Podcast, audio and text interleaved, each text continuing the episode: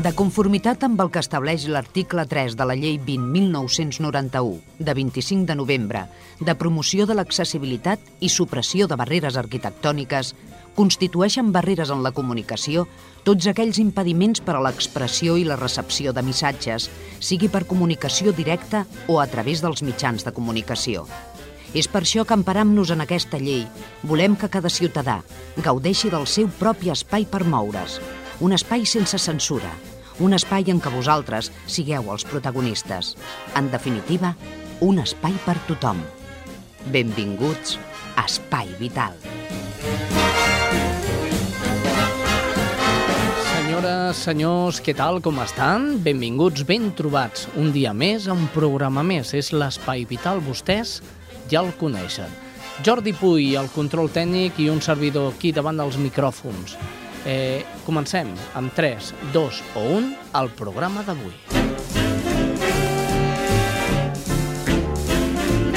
Estàs escoltant Espai Vital.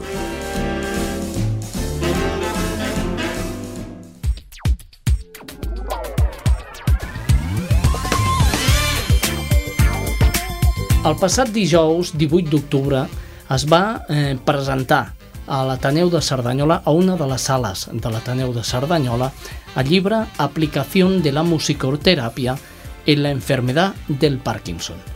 Per parlar d'aquest tema tenim la persona que ha escrit aquest llibre, eh, ella és productora també de, de la música que s'utilitza en la musicoteràpia, però parlem amb ella. Ella es diu Conchita Benz, no és del Mercedes-Benz, però sí és Benz, és amb T i Z. Conxita, bon dia. Hola, bon dia. Molt bé, què és això de la musicoteràpia aplicada al Parkinson?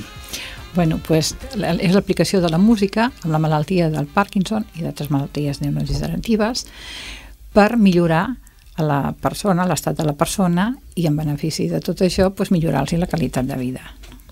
Llavors, a veure, com sabem, el Parkinson és una malaltia neurodegenerativa que fa la falta de dopamina, que és el que porta al moviment. No?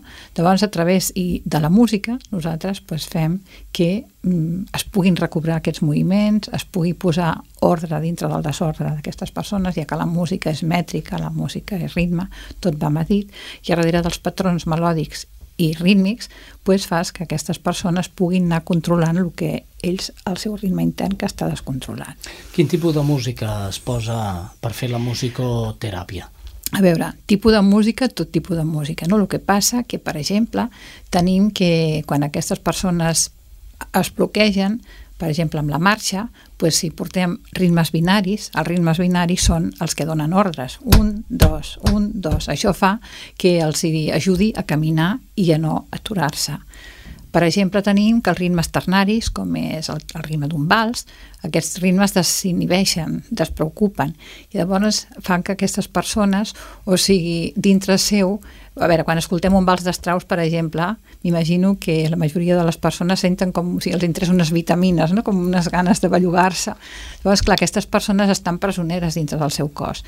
Llavors, amb aquests ritmes fan que surti aquest, aquest esperit d'ells i llavors es puguin bellugar millor i el que amb, el, amb aquests ritmes aconseguim és que quan hi ha un bloqueig, per exemple, perquè hi ha una porta i ells, el seu cervell els fa aturar, s'ha comprovat que a, a mitjans d'aquests ritmes pues, desapareixen els obstacles i és com si fes un miracle, vull dir, tot torna altra vegada tornen a funcionar, no?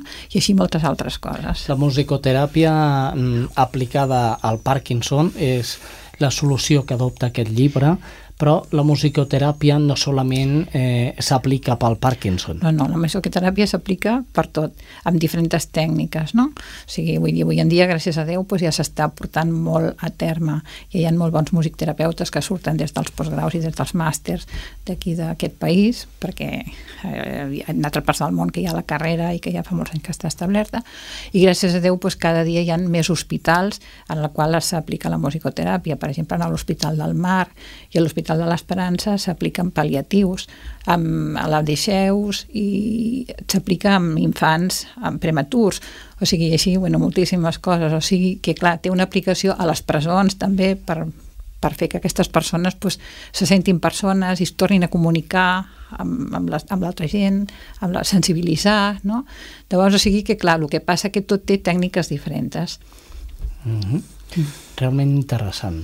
Eh, les persones eh, amb altres malalties eh, que siguin degeneratives o no, mm -hmm. això no té cap importància, no té cap importància. a l'hora de fer la musicoteràpia. No, I en persones pues, saludables per prevenir també i per ajudar a treure l'estrès, etc. Conxita, què expliques al llibre? Bueno, el llibre, jo quan vaig estudiar el màster d'això ja fa bastants anys, pues, tot estava en anglès i, i les cançons en anglès i tot, i vaig pensar, a veure, això no pot ser perquè si hi ha aquestes persones i, i altres coses tenen ja pocs problemes, només falta que els hi creés un altre problema. I llavors vaig pensar pues, en fer un llibre d'una forma eh, que l'entengués tothom, no utilitzant molts termes tècnics, sinó que fos pues, pels propis malalts, pels cuidadors, per gent de malalties mm, altres malalties neurodegeneratives, no? I llavors vaig eh, fer el llibre, el vaig dividir en quatre parts. La part de la veu, on es tracta el tractament de la veu a través del cant, a través de la música, que paral·lelament amb la logopèdia, vull dir, té a veure i no té a veure, vull dir, cada un, unim les dues funcions, doncs estupendo, no? Llavors aquí els treballs de la veu, mitjançant les cançons, per pronunciar, per quan hi ha persones doncs, que es queden que no poden dir res i a través del cant es poden tornar a comunicar. Llavors ja explico tot el que és, el que porta aquesta malaltia, que pot, tant com aquesta, doncs altres que tinguin problemes amb veu. Després, l'altra part està amb el moviment tot el que he explicat, no? que passa amb els bloquejos i com a través de la música pues, fas que el moviment sigui més fàcil. Llavors ajudes en les fisios a posar la música ben posada perquè clar, si la música es posa malament el que fa és que en vez de millorar s'empitjora. Ah. O sigui, per exemple, si una persona fas perquè camini i fas aquest ritme això fa que el peu s'agafi terra. Pa, pa, pa, pa, pa, pa, pa, però si fas pa, pa, pa, pa, pa, pa, pa, aquella persona la, la fas, vull dir, t'embalejar i el que farà serà que en vez de caminar bé i sentir-se segura, caurà. O sigui, i així pues, vaig explicant tots els perquès, no? i també, clar, la part científica i la part musical. Després, naturalment, la música és emoció i la, pas, la part més important de la musicoteràpia és l'emoció. No? Vosaltres penseu que amb una sola nota o dues notes, de seguida eh, la persona sent o ganes de plorar o ganes de riure, els records, no? amb una música, vull dir, venen molts records, la música pues, fa visionar moltíssimes coses, amb persones amb Alzheimer, pues, gràcies a la música i aquestes cançons de quan eres petit, en moments que no se'n recorden de res, i obres la finestra i es poden tornar a comunicar, o sigui que clar, i després, pues, clar, la part més important que és la part emocional, no? de vegades aquí afloreixen totes les coses, els bons records, mals records, i, bueno, i llavors anem conduint, no? en part de la psicoteràpia, pues, tot el que s'ha tret, no? Què passa? Que de vegades els musicoterapeutes, el que de vegades no poden treure els psicòlegs i els psiquiatres amb la paraula, nosaltres amb la música els ajudem a que aquestes persones pues, desbloquegin. O sigui que ja diuen no, que els musicoterapeutes a vegades són els ulls del psiquiatre. I després, clar, una altra part fundamental, la part cognitiva. Perquè, clar, aquestes persones també dintre de la malaltia també s'ajunten d'altres i de vegades la part cognitiva també es va deteriorant. Llavors també a través de la música pues, rehabilitem la memòria, per exemple amb una cançó pues, hi ha moltes memòries, no? la memòria de la melodia, la memòria de la lletra, la memòria rítmica, aboquem records, i bueno, fem lletres, la creativitat, o sigui que tot això pues, és un ventall el que ens dona la música com cap altra cosa, perquè pots moure-ho tot. Podríem parlar que és eh, un complement Exacte. al tractament de, mm. del metge. Exacte. Molt bé, em dius que la utilitzen ja a hospitals com l'Hospital del Mar. Sí, sí, sí, molts hospitals, a la Vall d'Hebron, en moltíssims puestos ja està posat, o sigui, tant aquí a Barcelona com a Madrid, com a l'Hospital La Pau, vull dir, molts hospitals de tota Espanya, eh? perquè ja dic, gràcies a Déu, ja fa molts anys que estan funcionant els màsters i els postgraus de musicoteràpia i llavors pues, ja surten molt bons musicoterapeutes, perquè clar, musicoteràpia no és posar música amb conserva ni anar amb el casset pels puestos, sinó que la musicoteràpia és a veure, el músic terapeuta té que saber música, naturalment, i després, clar, tota la part mèdica, no? que llavors és el que s'ensenya també, no?, el postgrau. Llavors, clar, abans de tractar una malaltia, tu has d'aprendre el que comporta aquella malaltia, saber molt bé el que va, sempre es treballes amb l'equip mèdic i amb l'equip, o sigui, tot l'equip multidisciplinari, i llavors a través d'aquí fas el tractament adequat a cada mm, diguem, a cada persona, millor individualment, i si no, doncs en el col·lectiu, però dintre d'unes nominatives i d'un saber molt bé el que fas. Conxita, estic pensant que un bon llibre de musicoteràpia hauria de venir acompanyat amb un CD de música, no? Mm -hmm. A llavors, bueno, jo també, com que soc música, això és molt bé la pregunta, pues, he composat unes músiques, no perquè hagi de ser les meves precisament, però sí que vaig pensar, bueno, sobretot, clar, dic, en el Parkinson, que és on jo m'hi he aprofundit molt, ja tinc un familiar amb Parkinson i llavors per això mi poder ha sigut la meva, no? Jo dic, gràcies a aquesta persona, pues, estic on estic i de vegades li dic a ella, no? Dic, si no hagués sigut per tu, pues jo no estaria fent això, possiblement, no? Llavors vaig fer com un... vaig voler fer un homenatge a totes aquestes persones que tant pateixen i que, són, que la gent no entén perquè és una malaltia com altres malalties neurodegeneratives que la gent no les poden entendre, aquests canvis que hi ha en canvi de medicació, en canvi d'ells d'un moment a l'altre d'estar molt bé, estar molt malament i que han d'anar pues, molt cronometrats amb la medicació i amb, la, i amb les hores per, fer, per funcionar, no? I, bueno, i llavors, clar, aquest patiment que ells tenen, perquè aquesta malaltia, com altres, pues, es veuen, no es poden amagar, o sigui, no poden dissimular eh, el que se'ls vegi. Llavors això fa que, que s'incomuniquin i, que no, i que no vulguin que els altres els vegin. Llavors tot aquest patiment i tot això he volgut, i tota l'admiració que jo sento per ells, no?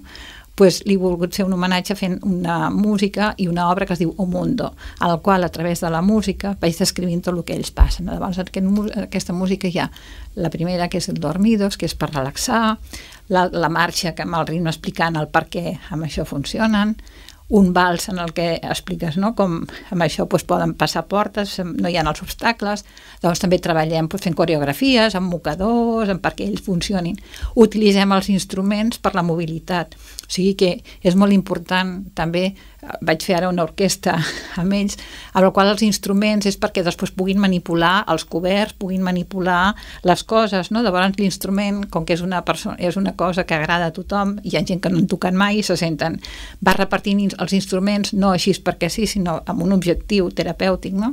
I amb un objectiu de que se'ls vegi el control del ritme, que per exemple puguin canviar de mà i utilitzar la part més afectada i l'altra les utilitzin les dues. O sigui que, clar, tot això, doncs tot això també hi he posat, amb, o sigui, s'ha fet una orquestació perquè ells puguin anar seguint i, bueno, i també perquè la gent entengui tot això. Molt bé, és un llibre que tant pot ser per pel malalt com pel familiar del malalt, perquè exacte. a vegades estan oblidats, no? Els exacte, exacte, també. O sigui, l'he fet, ja dic, d'una forma que l'entengui tothom, tant pels cuidadors com pels propis malalts, com pels estudiants del màster, naturalment, i per altra gent. I que, clar, no és només pel Parkinson, jo aquí he posat Parkinson, però altres malalties similars, o sigui, la part de la peu pot servir per moltes altres, la part del moviment també, vull dir, eh? el que passa que, clar... Aplicació de la musicoteràpia en la malaltia del Parkinson per Conxita Benz. -hmm. T'agraïm moltíssim, Conxita, que hagis estat avui aquí, als micròfons d'Espai Vital, i t'animem a seguir així, mm -hmm. guapa. Eh? Gràcies. Uns ànims i, i ajudant a la gent. Sí, sí. Que això, això és, és important. Que... A través de la musicatora, ah. musicoteràpia. Que és, a mi també em costa, eh? Sí, sí. Pot, potser hauré de llegir aquest llibre, eh? molt bé, molt bé. Conxita, gràcies. Gràcies a vosaltres per haver compartit amb mi aquesta part, vull dir, i el llibre, i, bueno, per explicar de lo que va. I espero, pues, això, tirar endavant i anar fent coses per poder ajudar a totes aquestes persones i d'altres en benefici d'una bona qualitat de vida i com si, per almenys, que se sigui feliç un rato, que això és molt important, no? La felicitat avui en dia es té com aparcada i és fonamental. Doncs molt bé, Conxita, gràcies. Gràcies a tu. Això és Espai Vital. Ah, hoy lo flipo, ah, hoy como fumado. Es la cara alegre oficial, ¿no? Sería la cara que tiene Rajoy en las fotos desde que es presidente del gobierno, ¿no? Otra, el hombre lobo. Ese es lo que tiene cuento. De día soy humano, de noche soy una bestia. pues como los adolescentes en fin de semana, pero de verdad. Es que eso no es un monólogo, es una tragedia. Pero, ¿me perdonáis un momento?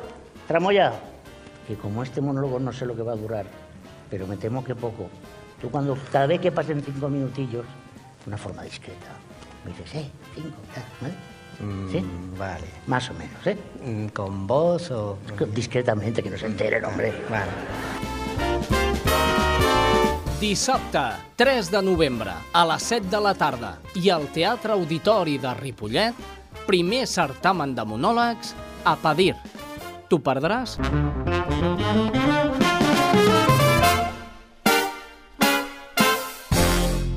Fa uns dies m'agradava la meva veïna. Ara, també. Fa uns dies em costava arribar a fi de mes. Ara també. Fa uns dies m'encantava anar al cine. Ara també. Fa uns dies em van diagnosticar un trastorn bipolar. Fa un segon, jo era la mateixa persona que ara, però tu potser ja no em veus igual. Per la salut mental, no a la discriminació, sí a les persones. Obertament.org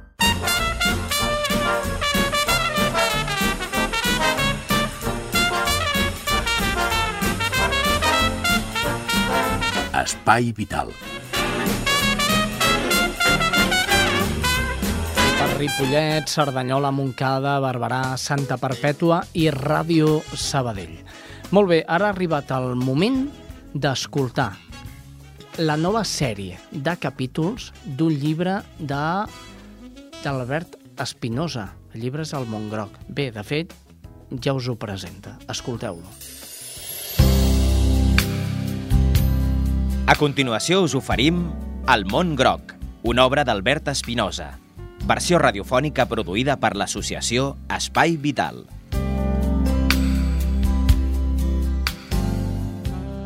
D'on neix aquest llibre? Doncs neix del càncer.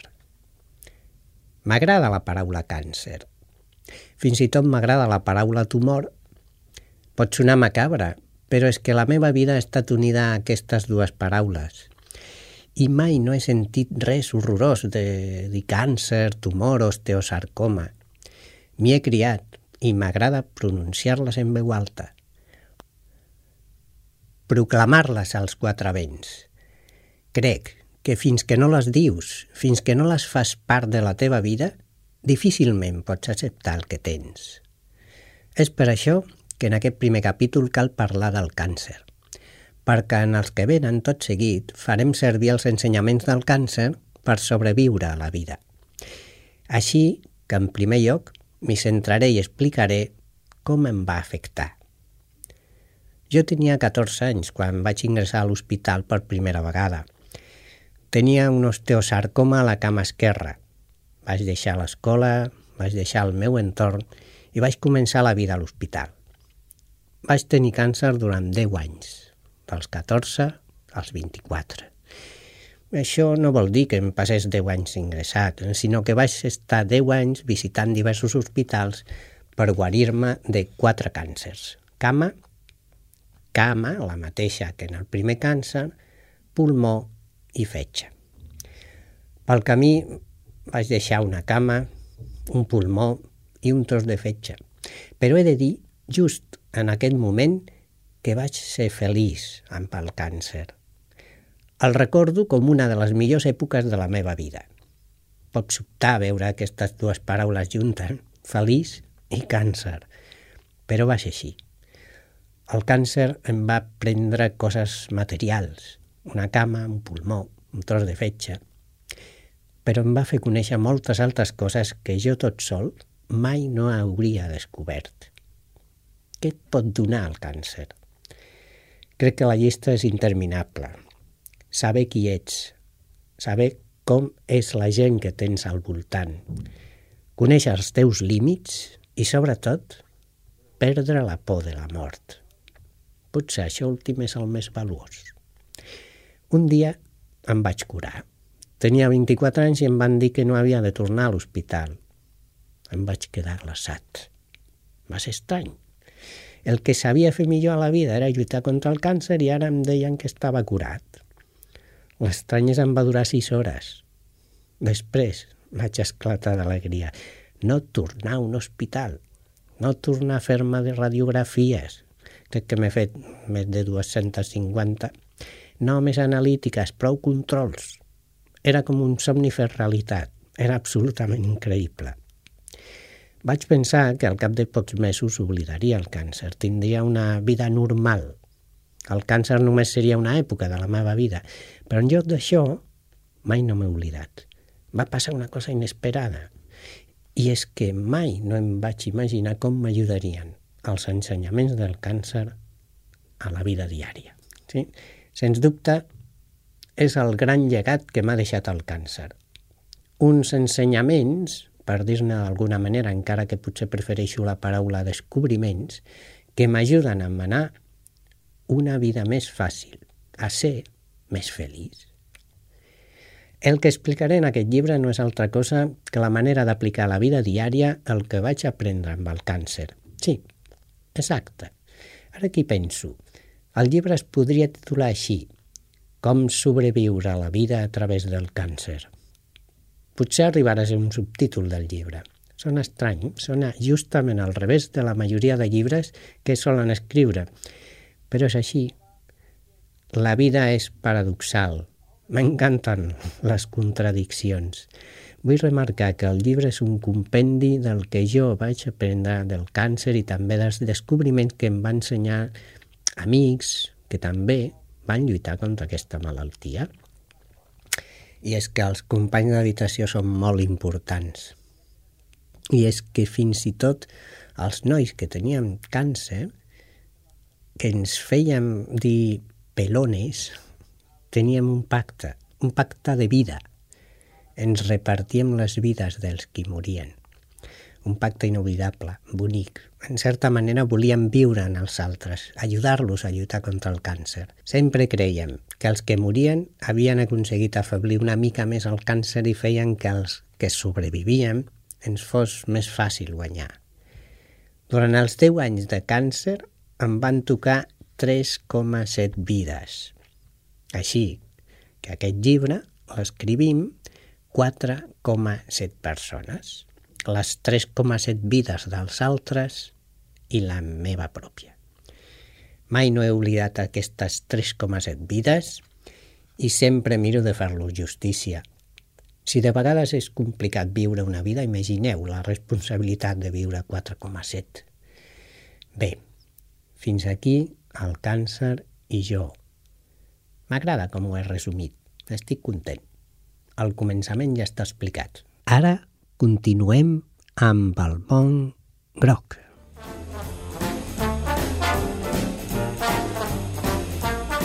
Això és Espai Vital.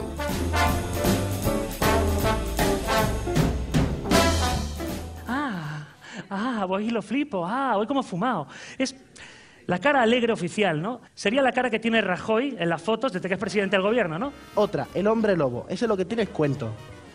De día soy humano, de noche soy una bestia. pues como los adolescentes en fin de semana, pero de verdad. Es que eso no es un monólogo, es una tragedia. Pero, ¿me perdonáis un momento? Tramoya, que como este monólogo no sé lo que va a durar, pero me temo que poco. Tú cuando, cada vez que pasen cinco minutillos, una forma discreta. Me dices, eh, cinco, ¿vale? Mm, ¿Sí? Vale. Más o menos, ¿eh? Mm, ¿Con vos o...? Discretamente, que no se enteren, hombre. Vale. Dissabte, 3 de novembre, a les 7 de la tarda, i al Teatre Auditori de Ripollet, primer certamen de monòlegs a Padir. T'ho perdràs?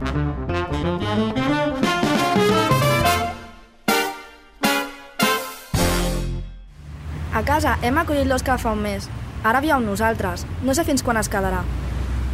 Mai no hi ha vist ningú que li agradés tant els macarrons. Crec que els seus pares passen un mal moment, però se'l veu content. Amb els acolliments familiars de Creu Roja, la teva família pot ser, durant un temps, la d'un nen o una nena. Suma-la a la teva vida. Acolliments familiars de Creu Roja. Truca al 93 300 65 65. Amb l'acolliment, tothom guanya. Això és Espai Vital. Ja ho heu sentit, heu d'anar al certamen, primer certamen de monòlegs a Padir. Tots hi hem de ser, sobretot quanta més gent siguem, més riurem i més l'associació a Padir podrà recaptar fons per donar serveis a les persones que tenen discapacitat d'aquí de Ripollet. Molt bé, doncs dit això, anem ja per la roda informativa. Una roda informativa que la comencem des de Ripollet. Des d'allà ens informa Franzina Ricard. Una salutació als amics i amigues de l'Espai Vital. L'Agència de Salut Pública de Catalunya distribuirà 1.250.000 dosis de vacunes durant els mesos d'octubre i novembre dins la campanya de vacunació antigripal. Enguany es pretén mantenir una cobertura superior al 70% a les persones majors de 65 anys. Un dels objectius del Pla de Salut és l'atenció als pacients crònics i és per això que la campanya d'aquest any vol insistir en la importància de la vacunació d'aquests pacients. El pressupost de la campanya de vacunació és de 5.100.000 euros, molt similar a la de l'any passat. Els grups de risc, les persones amb el risc de complicacions, entre les que es troben, com dèiem, els, pateix, els pacients de certes malalties cròniques, van des dels interns en institucions tancades, com ara les residències geriàtriques, les dones embarassades, les persones amb obesitat mòrbida o les persones que tenen 60 o més anys d'edat. També són sensibles de formar part del grup de risc aquelles persones que puguin transmetre la grip a persones també de risc, com per exemple serien els treballadors del sector sanitari, a més també dels treballadors de serveis públics essencials, com ara policia, bombers o personal de protecció civil i els que treballen a les emergències sanitàries. Aquesta temporada hi ha canvis en dues de les soques vacunals de la H3N2 i B respecte a les de l'any anterior, però les indicacions de vacunació antigripal estacionant són les mateixes. La vacuna per la temporada 2012-2013 inclou les tres soques recomanades per la OMS per l'hemisferi nord.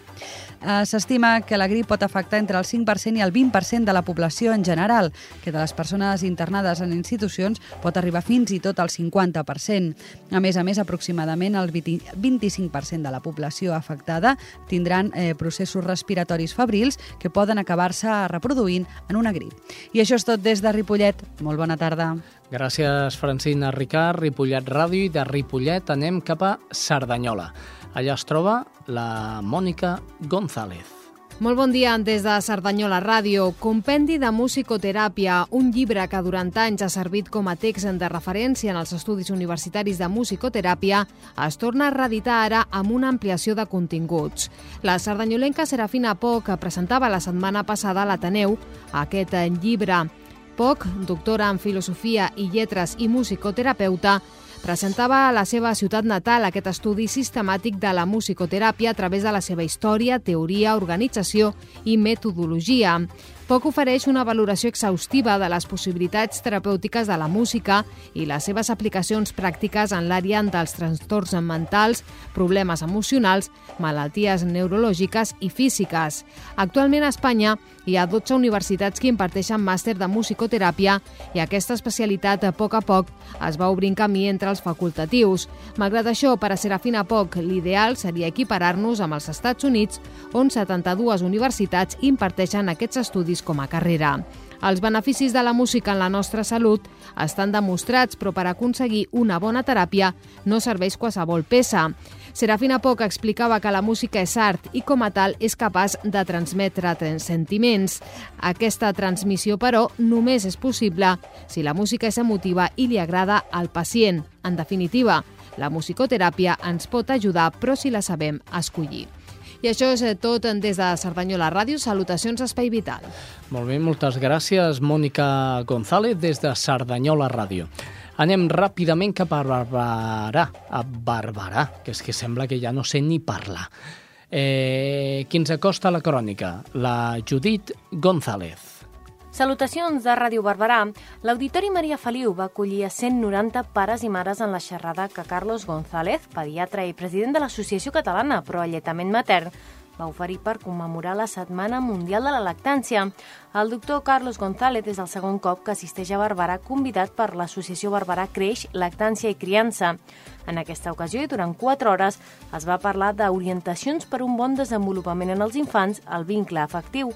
En aquest col·loqui, els participants havien fet arribar les seves preguntes prèviament, facilitant al pediatre poder atendre tots els dubtes de forma molt àgil, una modalitat que agilitza la comunicació i fa que els presents no repeteixin temes al tractar-los de forma global i en detall segons les preguntes.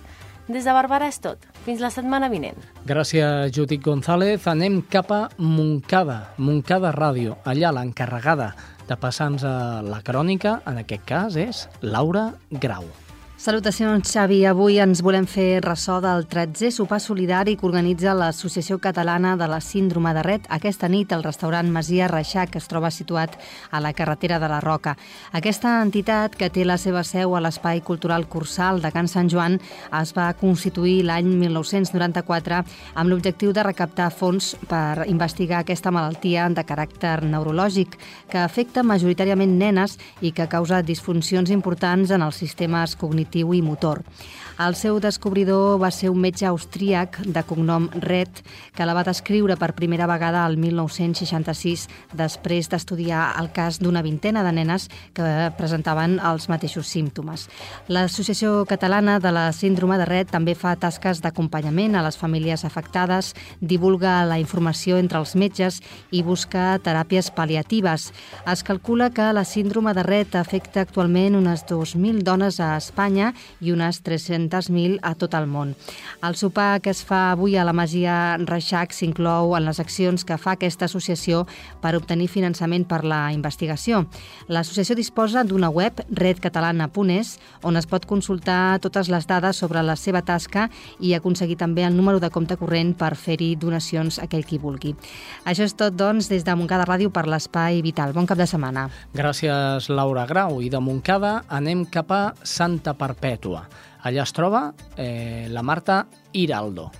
Bon dia. Santa Perpètua treballa en l'elaboració del pla de mobilitat del municipi. Ja han començat les trobades de la taula de la mobilitat que estudien les fórmules més viables perquè la nostra localitat es potenciï la mobilitat sostenible i segura. En aquest àmbit es troba l'eliminació de les barreres arquitectòniques que es troben a Santa Perpètua i l'ordenació dels carrers per potenciar moure's a peu i en bicicleta. A part de les trobades de la taula de mobilitat, que inclou membres del Consell de Medi Ambient, entitats i escoles, entre d'altres, l'Ajuntament ha obert un procés de participació al web municipal municipal per tal d'enviar propostes i suggeriments a la diagnosi existent prèvia a l'aprovació del Pla de Mobilitat. Això és tot des de Santa Perpètua fins la propera setmana.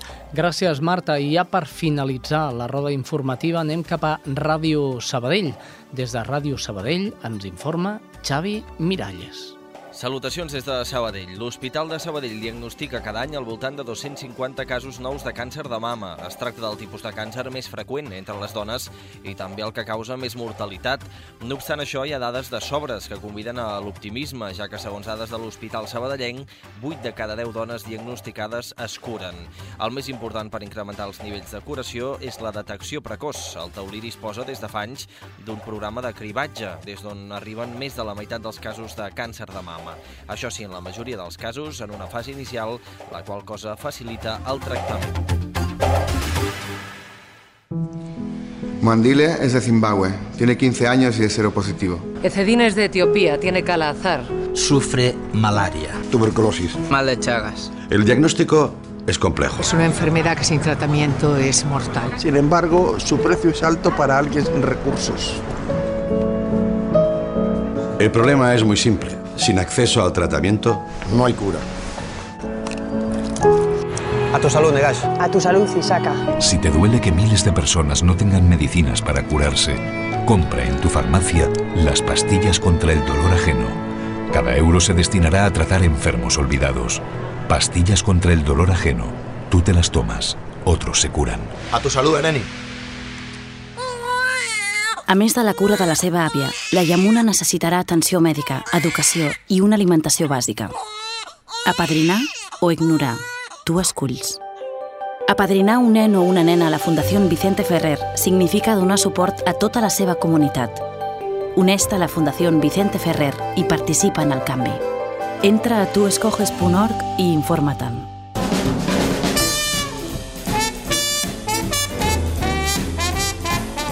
Estàs escoltant Espai Vital.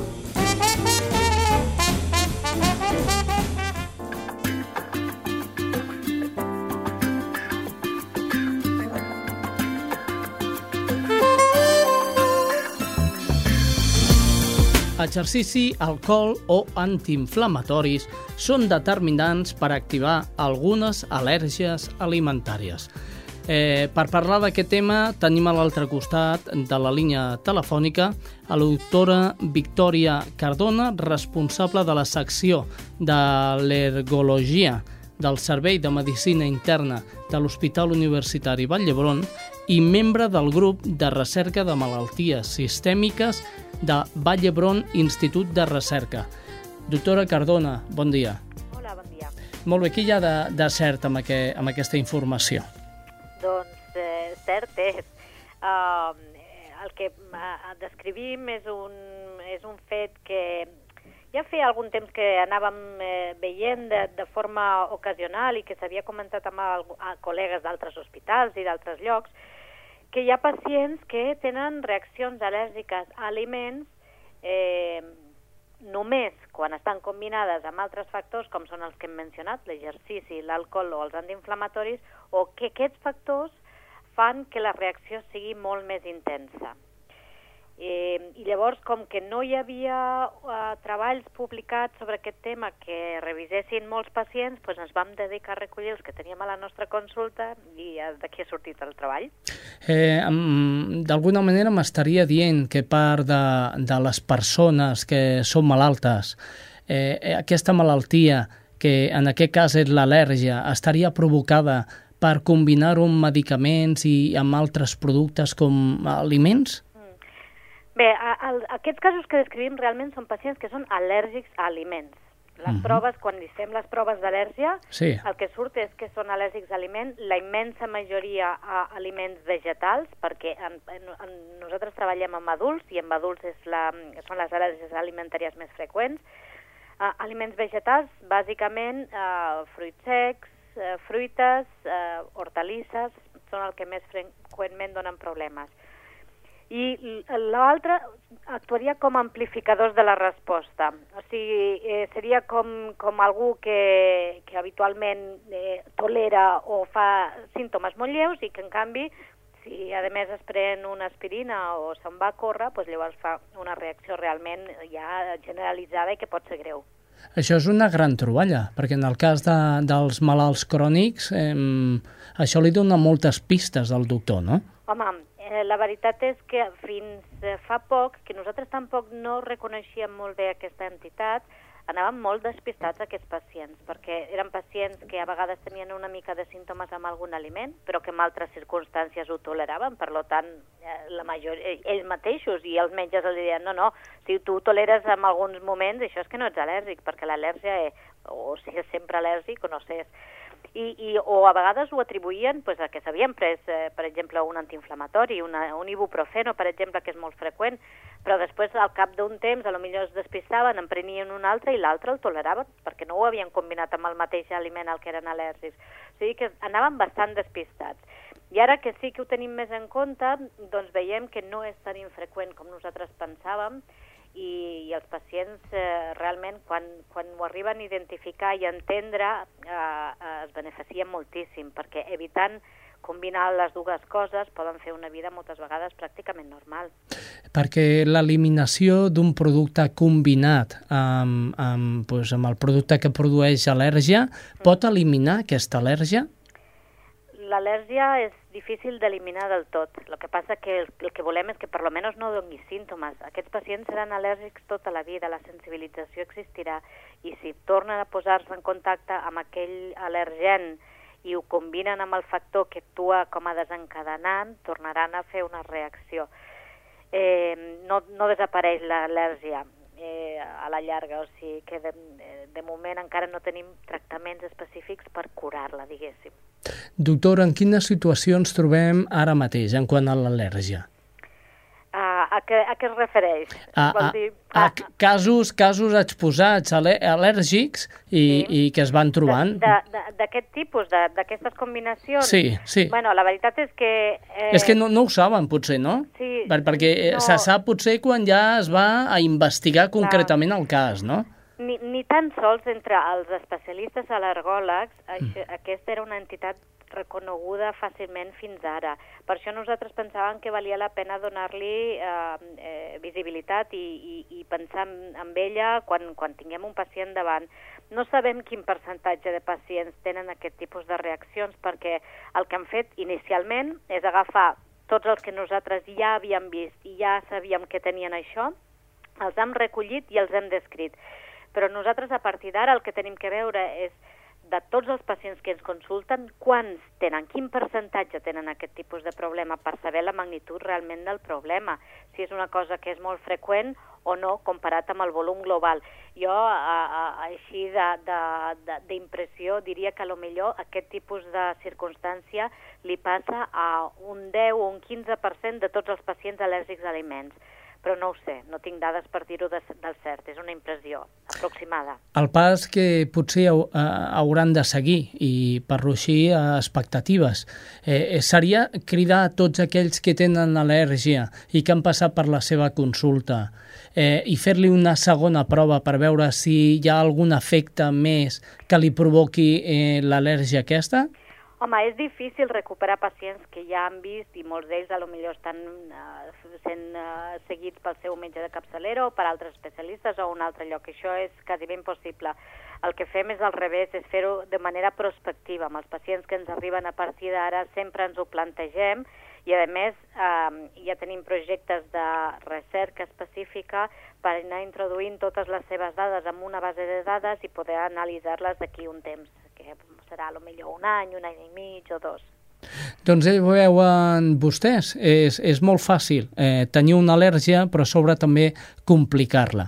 D'això d'això hem volgut parlar eh, amb la doctora Cardona, Victòria Cardona, que li agraïm moltíssim la seva atenció amb Espai Vital i, escolti'm, mm, una gran recerca eh, per, per, per un gran diagnòstic de nou d'altres malalts i, i que més serà mm, millor, millor diagnosticat que no pas com fins ara, que era que era diagnosticat només amb l'al·lèrgia concreta. Molt bé. Doncs moltíssimes gràcies per tot. Doctora Victòria, gràcies. Adéu.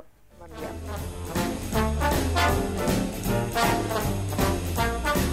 Això és Espai Vital.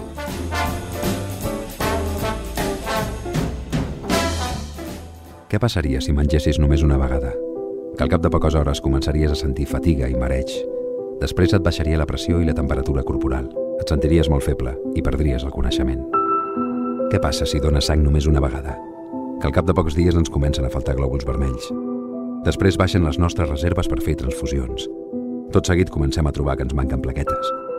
Així no podem ajudar els malalts de càncer, ni podem atendre emergències.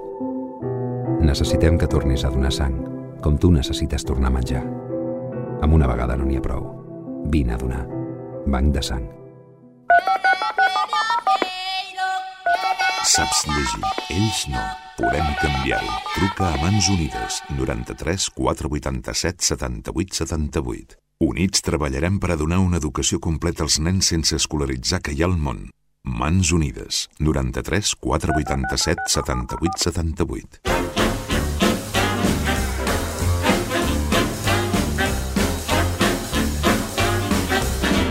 Espai Vital, el primer programa adaptat de les zones. I jo en diria més, el primer programa que a aquestes hores té gana. I quan un té gana ha de menjar, i per saber què has de menjar has d'escoltar la cuina adaptada de la Conxita Naudi. Avui em sembla mm, que portava pollastre, pollastre de pagès, uh, o conill, em diu el tècnic, conill. Doncs, bé, conill de pagès. Si més no, és una carn blanca. És igual que sigui pollastre que sigui conill. Escoltem la recepta de mans de Conxita Naudi.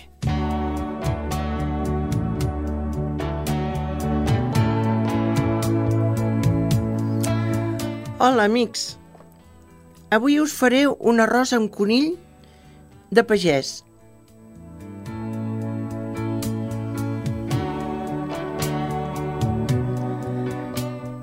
Els ingredients necessitareu 400 grams d'arròs, un conill d'un quilo, 100 grams de cebetes, 3 grans d'all, una ceba, safrà, julivert, sal, oli i un litre de brou.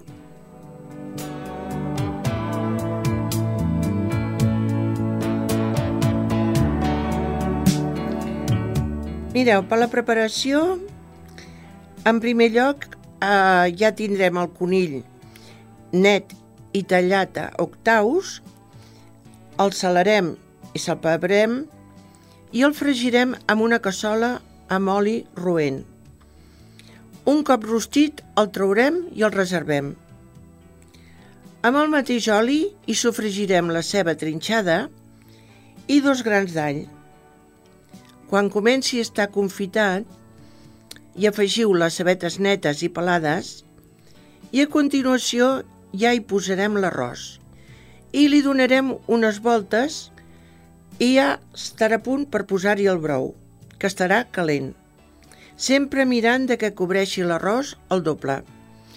Jo sempre ho faig per mides, tantes tasses d'arròs, doncs el doble. A part, mentrestant, es fa l'arròs, farem una picada d'all i julivert i una mica de safrà, desfent-lo amb una llossada de brou i ja el podrem incorporar a l'arròs. El deixeu coure i a menjar-lo, que queda molt bo. Mireu, el conill l'hem tingut una mica abandonat, però ara resulta que és una carn que no porta grassa i els metges l'aconsellen moltíssim, o sigui que torna a estar de moda. Res més i bon profit.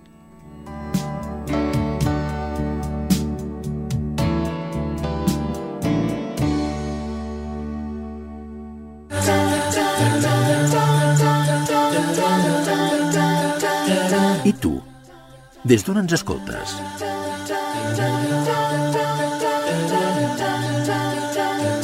Espai vital sense fronteres. I com no, ha ajudant entitats que, que ho necessiten també.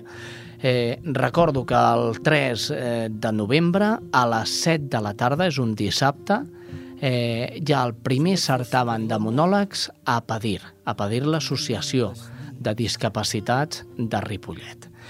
Espero que planem eh, eh, tot el teatre i puguem recaptar prou fons perquè l'associació pugui tirar endavant projectes importants com els que té a la mà.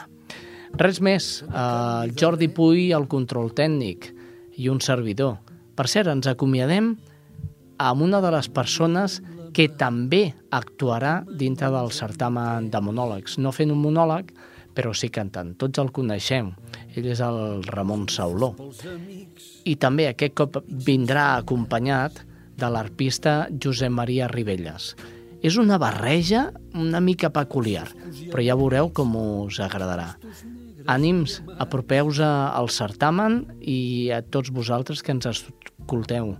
Gràcies i fins la setmana vinent.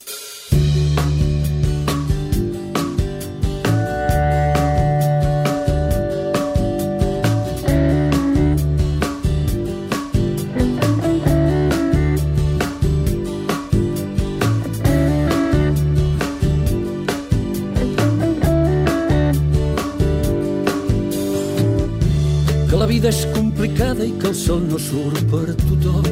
Ja ho sé, ja ho sé. Que els dies passen i els anys volen i tu i jo ens estem fent vells. Ja ho sé, ja ho sé. Sé que el desig es pinceix. Que el que baixa ja no puja i el qui mora ja no neix. Consumim sense apreciar-la l'energia de la vida. Ja ho sé, ja ho sé. Que ens diem vint mil vegades si pogués jo no ho faria.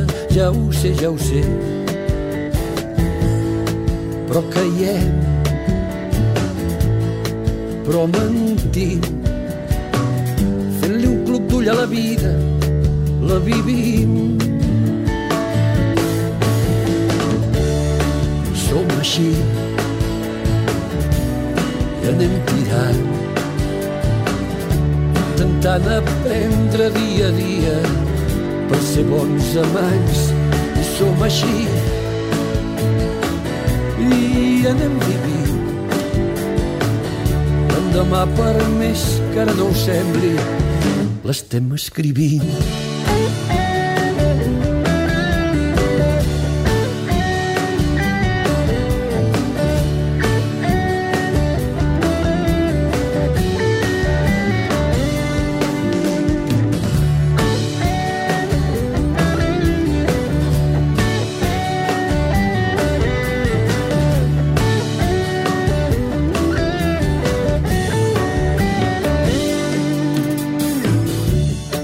va molt cara i el qui paga és el qui mana. Ja ho sé, ja ho sé. Que la mar està tranquil·la mentre no arribi la onada. Ja ho sé, ja ho sé. Sé que el seny que el matí perquè crema avui la barca, demà bufarà garbí. Que és difícil arrencar després d'una davallada, ja ho sé, ja ho sé. Però impossible aixecar el cap si no ho afrontes de cara, ja ho sé, ja ho sé. Sé que la por és d'humà que potser obrim masses portes que després hem de tancar. Però som així i anem tirant intentant aprendre dia a dia per ser bons amants i som així. I anem vivint. L'endemà per més que ara no ho sembli l'estem escrivint